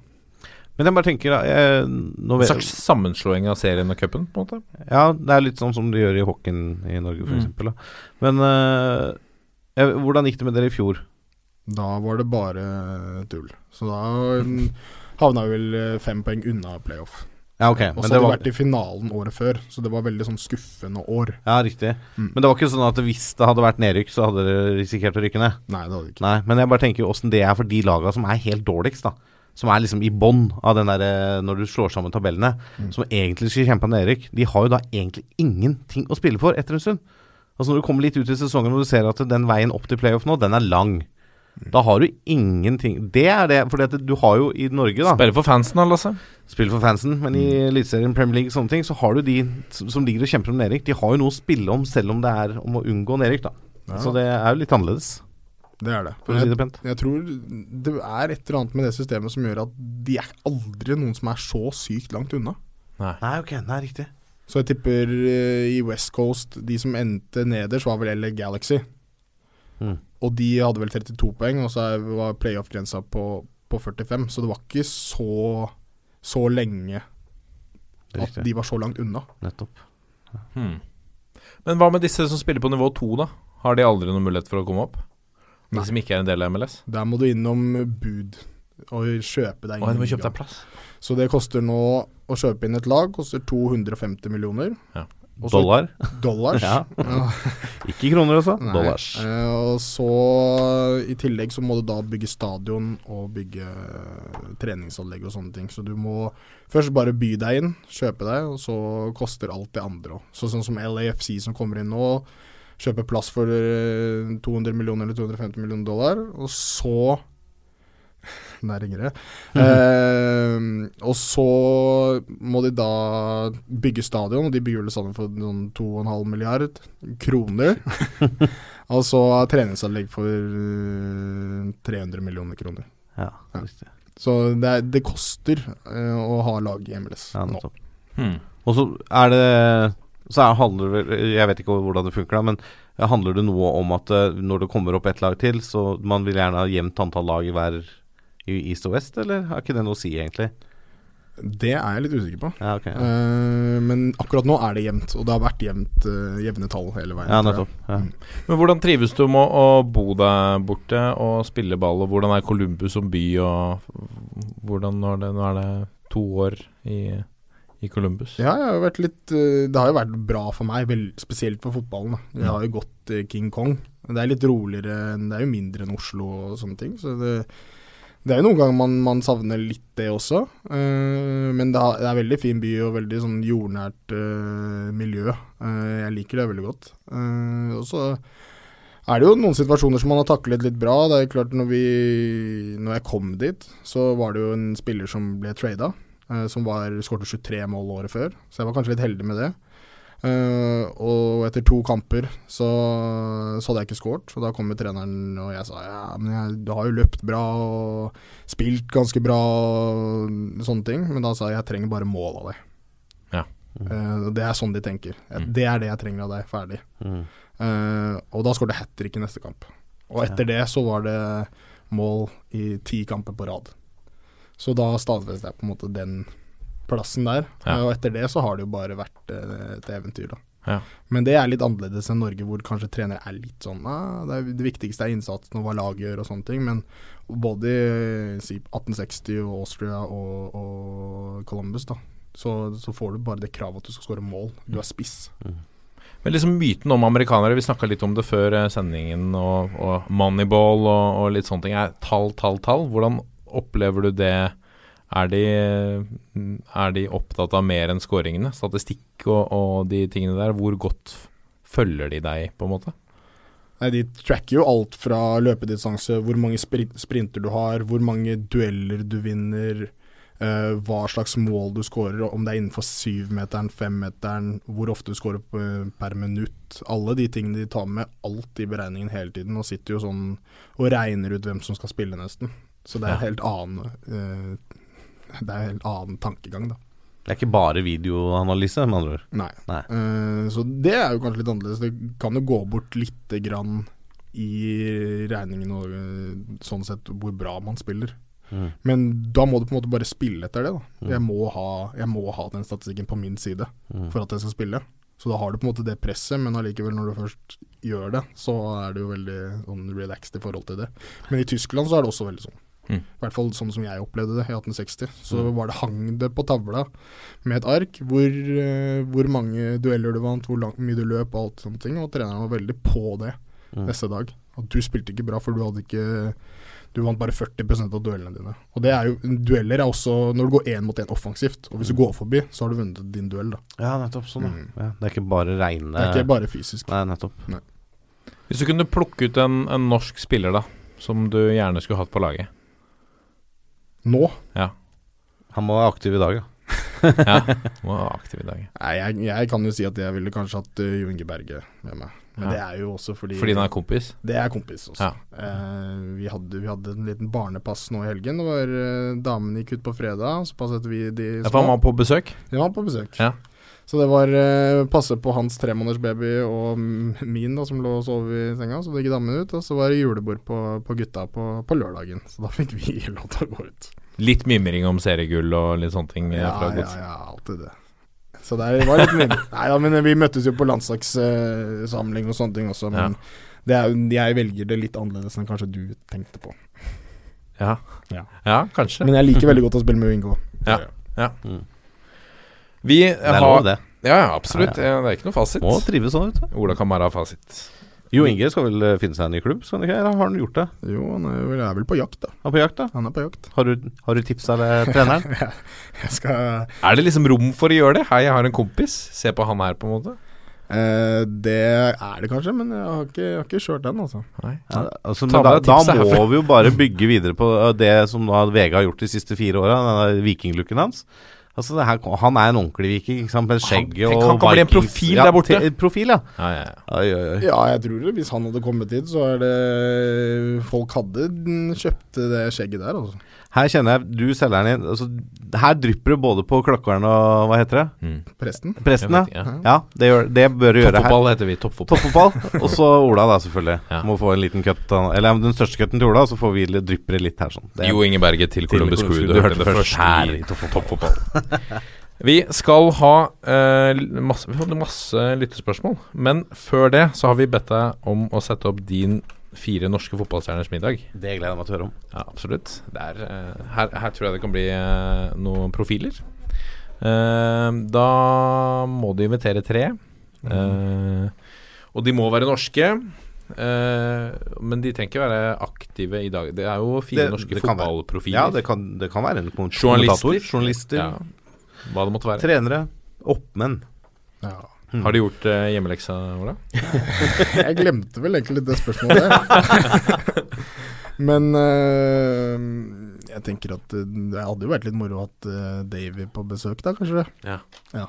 Nå er det jo litt uh, ja, ja, Altså jeg Som jeg har prata med han ofte, så, så liker jeg jo han veldig godt. Eh, og han er veldig en interessant person. Mm. Eh, og min store helt av norske som ung var vel uh, Myggen, da. Ja. Så jeg føler også at han mest sannsynlig er uh, fin i godt lag. Ja. eh, og sikkert har en del bra historier å, å fortelle. Ja, det tror jeg. Så det hadde jeg likt, den, den siste der. er- Og dere har vært i samme klubb? Det har vi. Mm. 1860. Ja, så han øh, Jeg fikk vel en historie på han med en gang. At øh, han var den første spilleren som da ikke hadde møtt opp på, på første trening. og det tror jeg var og Han fikk forklaringen den neste dag, sportsdirektøren, og det tror jeg var fordi han Det var fordi at da han hadde en tradisjon, da, hadde han fortalt sportsdirektøren, om at eh, hvis noen av gutta eh, da fikk en overgang, så måtte det feires på skikkelig måte. Ja. Så da hadde han vært ute og feira dette her før, før han skulle møte opp. Så da var Det høres ut som eh, legenden om Myggen under Mykland. Det der, ja. Og det slapp han unna med. Han ble, Ja, ble jo en profil der nede. Virkelig. Fy faen, fantastisk. Nei, siste øh, øh, Neste med da Det skulle vært øh, Karev eller Nils Arne Eggen, da. Ja. Ja. Ehm, jeg tror faktisk jeg hadde valgt Nils Arne. Ja. Jeg synes Det hadde vært veldig interessant å, å høre på. Så føler jeg det er en fin miks òg, Ja. faktisk. Av mennesker. Det er et bra TV-program, det der. altså Det hadde jeg sett på. Davy, Ola Kamara, Myggen og Nils Arne. -hmm. hva, hva vil du uh, kokkelert av? Er du en, eh, er du en helt på kjøkkenet? Leverer du like bra på kjøkkenet som på banen? Eh, Jeg kan ikke skryte på meg. Nei, ikke like godt som på banen, men eh, jeg tipper jeg hadde valgt en eh, veldig glad i scampi, da. Mm. Så en liten scampi til forrett. Så er jeg glad i å stå og grille, da. Ja. Så hadde det blitt en litt av Det er veldig amerikansk, dette. Ja, ja, ja. Barbecue. Ja, en liten, ja, en liten eller en stor oksefilet på, på grillen.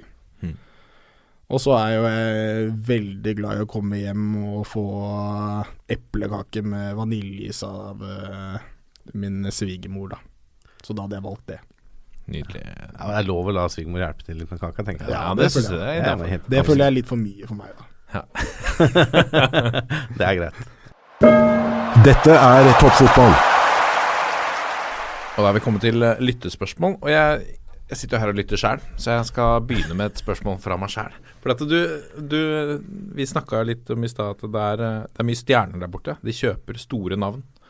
Eh, altså, du nevnte Gerard, Beckham har vært der, Kaka, Pirlo. Eh, David David, Villa. Villa er der nå. Thierry Henry var der. Thierry, altså det er jo vanvittig store Og som fortsatt leverer når de kommer bort, da. Flere av de.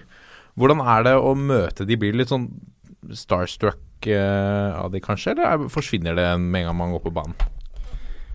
Eh, med en gang man går på Når eh, fløyta blåser, så har man glemt det. Men det er jo litt sånn når du står ved siden av Eller hva heter det? Når man går ut, da. Tunnelen, ja. Tunnelen. Mm. Og du plutselig ser ryggen til, til Pirlo, Lampard, David Villa. Så, så står du der litt som en gutt fra, fra Bislett igjen. Da må du tenke at du har lykkes på en eller annen måte, når du står ved Pirlo ved siden av deg. 100% Ja. Så da var det jo litt sånn Titte litt over. sånn, så jeg jeg syns jo det var kult, da. Ja. Så øh, jeg mener, nå fikk jeg spilt mot øh, Eller spilt i uh, siste kampen til Kaka og siste kampen til, til Pirlo. Hvis du hadde sagt det til meg for, for ti år siden, hadde jeg bare ledd. Ja. Så øh, sånne type ting, det kommer jeg til å ta med meg resten av livet. Og så for noen legender de spillerne her òg. Altså, ja, ja. Og så Pillo, bare not Ja. impressed. Nei, du var ikke impressed over han på slutten her, nei? Nei, nei, sånn, han var ikke så bra på slutten. Han spilte på Geira, brukte han jo ikke mye heller. Nei. Eh, Det er jo sånne ting som er kult der òg, at du At trenere er eh, type Patrick Vieira også, at du Mm. spiller imot. eh, har vel uttalt at det, er, at det er bra også, så sånne ting syns man jo på en måte er moro, da. Ja. Mm. Selvfølgelig. Ja, klart. Men var du frista til å, å bytte drakt med de, f.eks.? Vi ser jo det skjer med, med store stjerner, at eh, man kommer løpende med, med draktbytte. Til og med i pausen på enkelte av Og det syns jeg er veldig spesielt. I eh, Når små lag møter de større, og så går de til og med i pausen og avtaler Kan jeg få drakta di etterpå. Har du vært frista til å gjøre det? Jeg Typ sånn som når vi spiller mot New York, da. Mm. Uh, så er det klart David Villa er jo en meget bra spiller og har oppnådd veldig mye. Uh, så jeg tenker jo egentlig at jeg har lyst til å bytte drakt med han. Men jeg føler at jeg mister den konkurransegreia når hvis jeg har løpt til han Åh, kan jeg få drakta di? Ja. Og så møter han i tre kamper til i år, og kanskje noen andre neste år også. Mm. Så, så det har jeg ikke gjort. Det er klart at eh, jeg tenkte jo litt på å prøve å spørre Pirlo eh, når det i hvert fall var også siste kampen hans i, i MLS, men eh, der var køen lang. Det er Ja, rart, det det ser der. jeg for meg. Han burde jo bare hatt uh, 18 drakter, han. Eller ja, 18 drakter liggende. Jeg regner med at Ja, eh, kanskje var- en del av de gutta på laget også var interessert. Ja, det, så det- ikke sant. ja. Kanskje han ville ha han sjøl òg, faktisk. Siste kampen. Det kan godt hende. Nei, han, han brydde seg ikke noe. Nei, det er det, vet du. Det er typen det. Skal vi kjøre spørsmål, Roppis? Ja, Skal du begynne med Geirmann, som har sett oss et spørsmål på Twitter? Ja, Geirmann lurer på, Ola. eh, hvordan eh, ser du på karrieren videre? Vil du fortsette i USA, eller prøve deg på en klubb i en toppliga i Europa? Godt spørsmål. Det er et godt spørsmål. Eh, nå er det jo en del uh, Hvis man er på Twitter, så ser man kanskje at det er litt uh, rykter om ting allerede. Det er klart, som jeg sa i sted, at det er jo spennende med, med overgangsvindu alltid som, som spiller. Er ikke alltid like gøy, men når man har gjort det bra, så kan det jo være litt gøy. Um, og så er det Da har vært europeiske klubber som har, som har vært og sett på. Uh, fulgt meg. men jeg liker meg veldig godt i MLS. Mm. Så jeg kan se for meg å spille i MLS ut karrieren. uh, men selvfølgelig kan drømmen oppfylles. Så med Premier League så drar jeg. Ja. Jeg har ikke så lyst til å spille i f.eks. Bundesliga eller eh, kanskje italiensk serie A er ikke helt min ting. Så hvis du hører at Rafa Benitez er litt interessert i å hente deg, da, da, da ber du om å få en overgang? Ja, da, at, eh, Hvis jeg er i USA da, så tar jeg bare på meg ryggsekken og kanon og kommer over. Henter seg en liten båt der, altså. Ja, Men- det er bra. Men hvordan er det? For det er jo interessant som, eh, som Newcastle-fan. Uh, og dersom du har en, en eh, Si det har vært i Premier League, da, og det har vært en høyere, en, en større sportslig mulighet i en enda større klubb, som kanskje spiller i Europa. Si, si Arsenal da, eller Tottenham hadde meldt seg. Hadde du da, vært, hadde du da satt favorittlaget over de sportslige ambisjonene dine? Hvis jeg hadde gjort det bra der, og det måtte man jo selvfølgelig gjort hvis de klubbene skulle vært interessert, Ja. så tenker jeg vel egentlig at jeg ikke hadde dratt. Men det er vel sikkert litt sånn Kanskje man hadde tenkt å bo i London, spille for de type lagene, kanskje man får opplevd Champions League, og det, det er jo en drøm, det òg. Mm. men nå begynner jeg å bli litt uh, eldre, så Hvor gammel er du? 28. 28? Ja, det er jo ingenting. Ja, men eh, Se på Wæler. Ja. Nei, jeg mener Jeg ville egentlig sagt nei, men jeg veit jo ikke hvordan den situasjonen er, da. Nei. Nei. Ta et spørsmål fra Zaid Sandnes om hva tenker du om de få sjansene du har fått under Lagerbäck? Jeg tenker at øh, Jeg hadde håpet at jeg fikk sjansen før. Eh, nå fikk jeg selvfølgelig sjansen, og jeg tenkte at jeg skulle komme inn og, og skåre mål. Det, det gjorde jeg jo da selvfølgelig ikke. Um, samtidig, så når jeg var der, så merka jeg jo at um, det er kanskje ikke så rart at han ikke har tatt meg med i forhold til hva slags spillestil han har, og spesielt kanskje hvordan Columbus spiller. For han liker oppspillspunktspisser, og kanskje spesielt det, da. Mm. Eh, og vi spiller jo i Columbus med en veldig ball possession, hvor jeg ikke går i så mange dueller eller uh, Eller er så mye oppspillspunkt. Så hvis han satt og så på kampene og vurderte hva han ville ha, så gjorde jeg ikke så mye av det han vil ha i de kampene, egentlig. Nei. Så sånn sett kan jeg se det, men samtidig så, så var det jo ikke så mange spisser som har uh, dunka inn mål heller. Så jeg følte vel at jeg burde fått vært med. Før. ja. Øh, vi får håpe du får øh, litt flere muligheter. Du var jo nære på den stupheadinga der også. Ja, jeg følte i hvert fall Når jeg var der, så følte jeg jo at jeg, jeg viste jo i hvert fall at jeg kommer til sjanser. Jeg kommer til farlighet. Jeg er nære ved å score. Uh, og det tror jeg han også tenkte, siden han da velger plutselig å, å starte med meg i en kamp, og da putte meg inn i neste kamp. Spesielt når du kommer inn som som da reserve, Ja. og kunne fort ikke spilt i det hele tatt. Å gå fra det til å starte, og jeg måtte bytte pga. at jeg hadde, hadde krampe, og det virket ikke ut som han skulle bytte meg ut heller. Mm. Så å gå fra det å være reserve til å, til å spille sånn, det, det syns jeg på en måte var kult sånn sett. Så det var jo en bra bekreftelse at han likte i hvert fall noen ting av det han så. Jeg må følge opp med, for jeg, det er jeg så interessert i. Hvordan er Lars Lagerbäck som, som type? Han var veldig sånn eh, lugn, eh, nesten litt sånn Vet ikke, sånn veldig hyggelig og litt sånn bestefaraktig. Altså, jeg likte typen veldig godt. Uh, veldig sånn gir trygghet og er veldig trygg på seg sjæl. Uh, Jeg tror han kom inn på et bra punkt i norsk fotball òg, hvor man kanskje må stikke fingeren litt i jorda, og ikke snakke så kanskje romantisk om at vi skal spille som uh, og ha ball possession og spille ut lag. Jeg tror at det norske folk vil, og jeg vil selvfølgelig, og alt er jo å se Norge i et mesterskap. Uh, men jeg tror også at vi kanskje gjør det nå. Uh, så derfor har jeg lyst til å være med, og det kommer til så fall til å være det største jeg uansett kan, kan gjøre. Ja, for du setter landslag, et sluttspill med landslaget høyere enn alt annet med et klubblag? Ja, det gjør jeg. Ja. Uh, Jeg tenker jo på en måte at hvis Sånn Rekdal da, spilte jo på en måte i meget bra klubber hele veien, og, og var en veldig god spiller, men du, det, det du husker, er jo straffen mot Brasil. Ja, du husker at han ja. skåra i to VM og Og den gleden for nordmenn å komme til et mesterskap og, og gjøre det Jeg vet ikke om det har så mye å si nesten hva man hadde gjort i det mesterskapet, men det å komme seg i et mesterskap og folk å kose seg og dra ned med, med kubjeller og hatt og alt sånt, da tror jeg Det tror jeg hadde vært noe å være med på den reisen. Det, det hadde vært moro. Ja, det er det. Ta lille Norge, ikke sant, som har slitt så lenge nå, til et mesterskap. Det, er, det må være stort. Du, Vi har en som heter Andreas Bryn, som har stilt oss et ganske langt spørsmål. Det ene har vi vært litt innom. Det handler om eh, nivået på forsvarsspill sammenlignet med Eliteserien i MLS. Det hopper vi over. Men han spør hvem er den beste spilleren på Columbus Crew, og hvorfor er det Ola Williams Kamara? Hvis du liker mål, så er det Ola Kamara. Ja, det er det.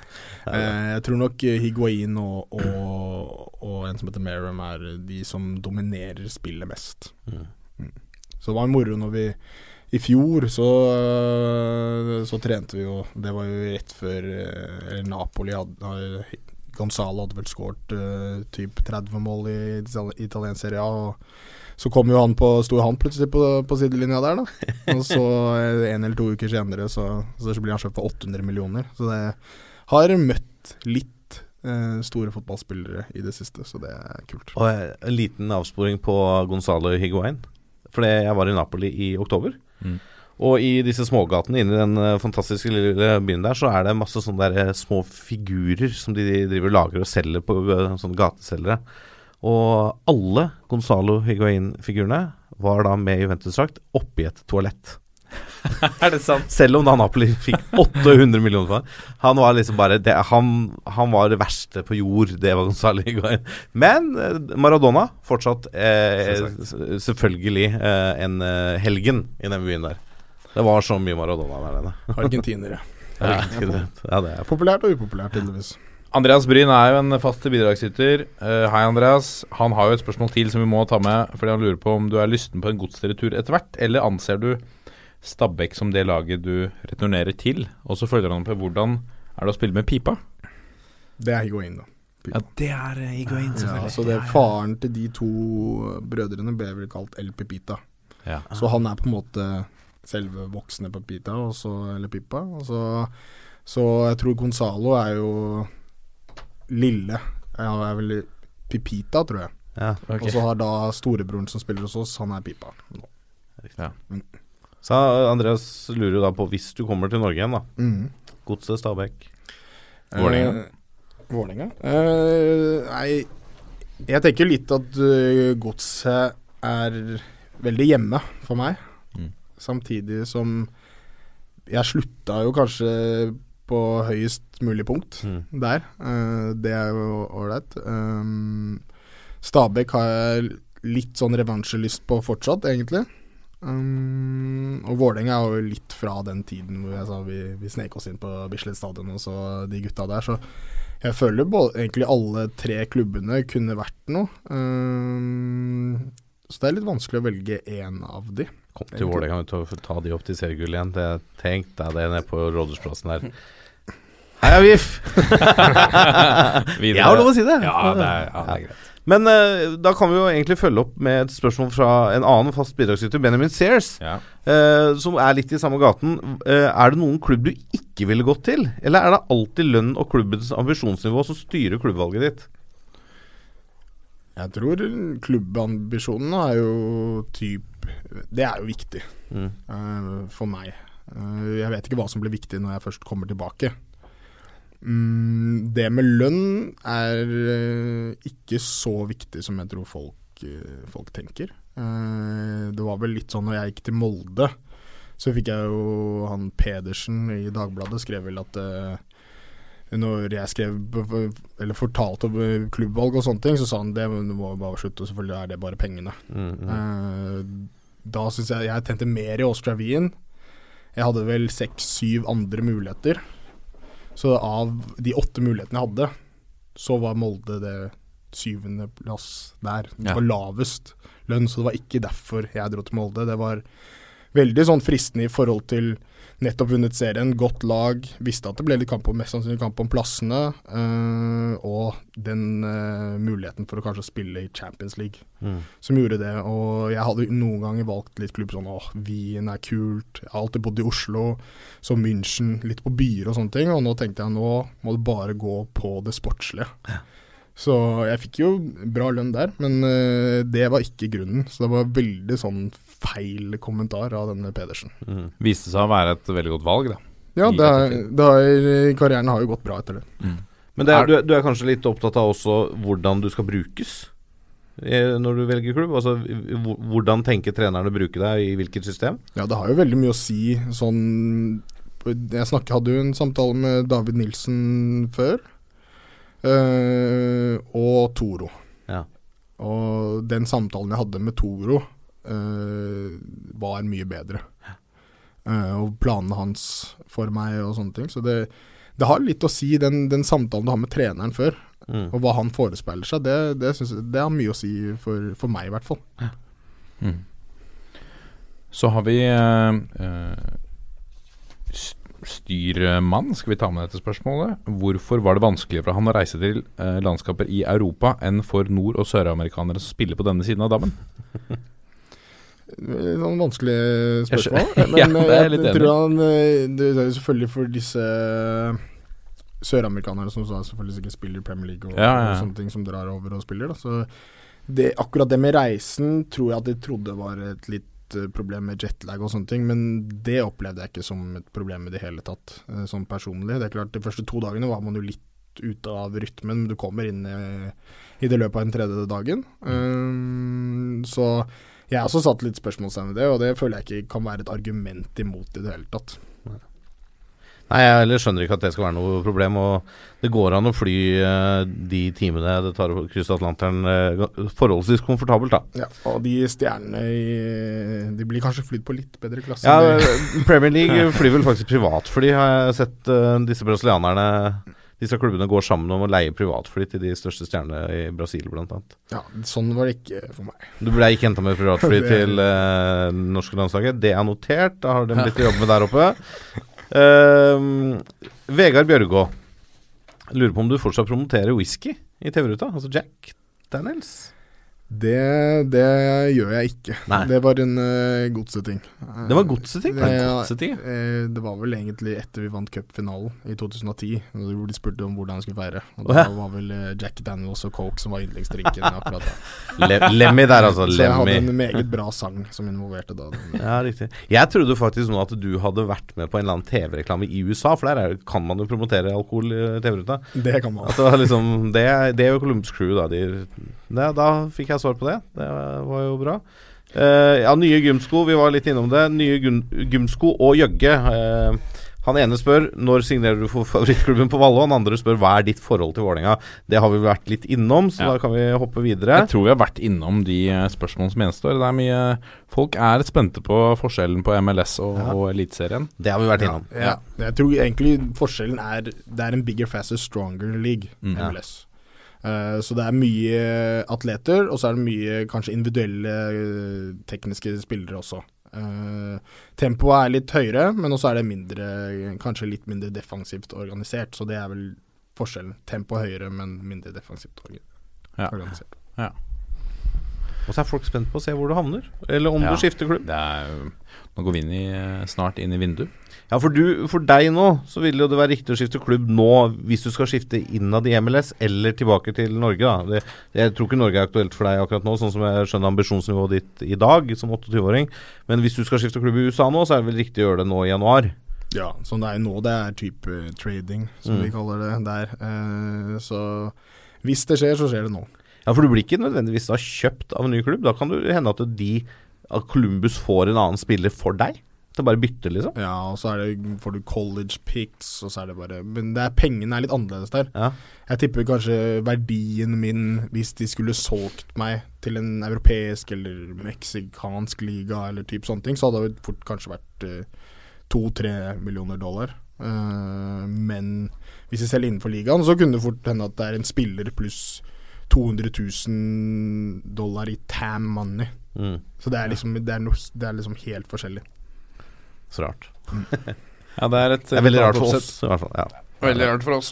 Uh, det er veldig gøy å, å følge med på det du driver med, eh, Ola. Uh, selv om det er litt uh, Akkurat som det er vanskelig litt å følge med på Eliteserien, så er det litt tidsforskjell også som gjør det litt uh, trøblete å se alle matchene live i MLS. Men ja, det er det. Men Eurosport Discovery har jo vist en del MLS-kamper i år. Ja. Viste bl.a. nå finalen sist, for ikke så altfor lenge siden. Yes, så det er muligheter. Så det er muligheter å få sett litt amerikansk rundball Ja.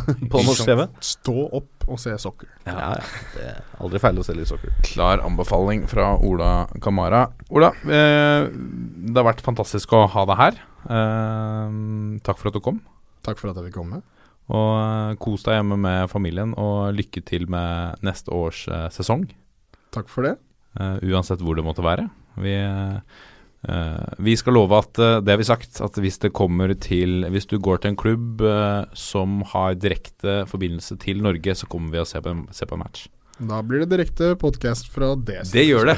Oh, det gjør det. Det gleder jeg meg til. En liten studietur. Det er mitt eh, veddemål, da. Så kan du gå Birken hvis du Ja, vil, men jeg stikker over dit. i hvert fall. Ja, jeg blir med over dit. òg, jeg. Ja, det er greit. Dette er toppfotball. Det var uh, Ola Kamara. En, uh, en fin type. Veldig fin type, altså. Mm. Det må jeg si. Og spennende å høre om uh, livet som fotballproff uh, i De forente amerikanske stater.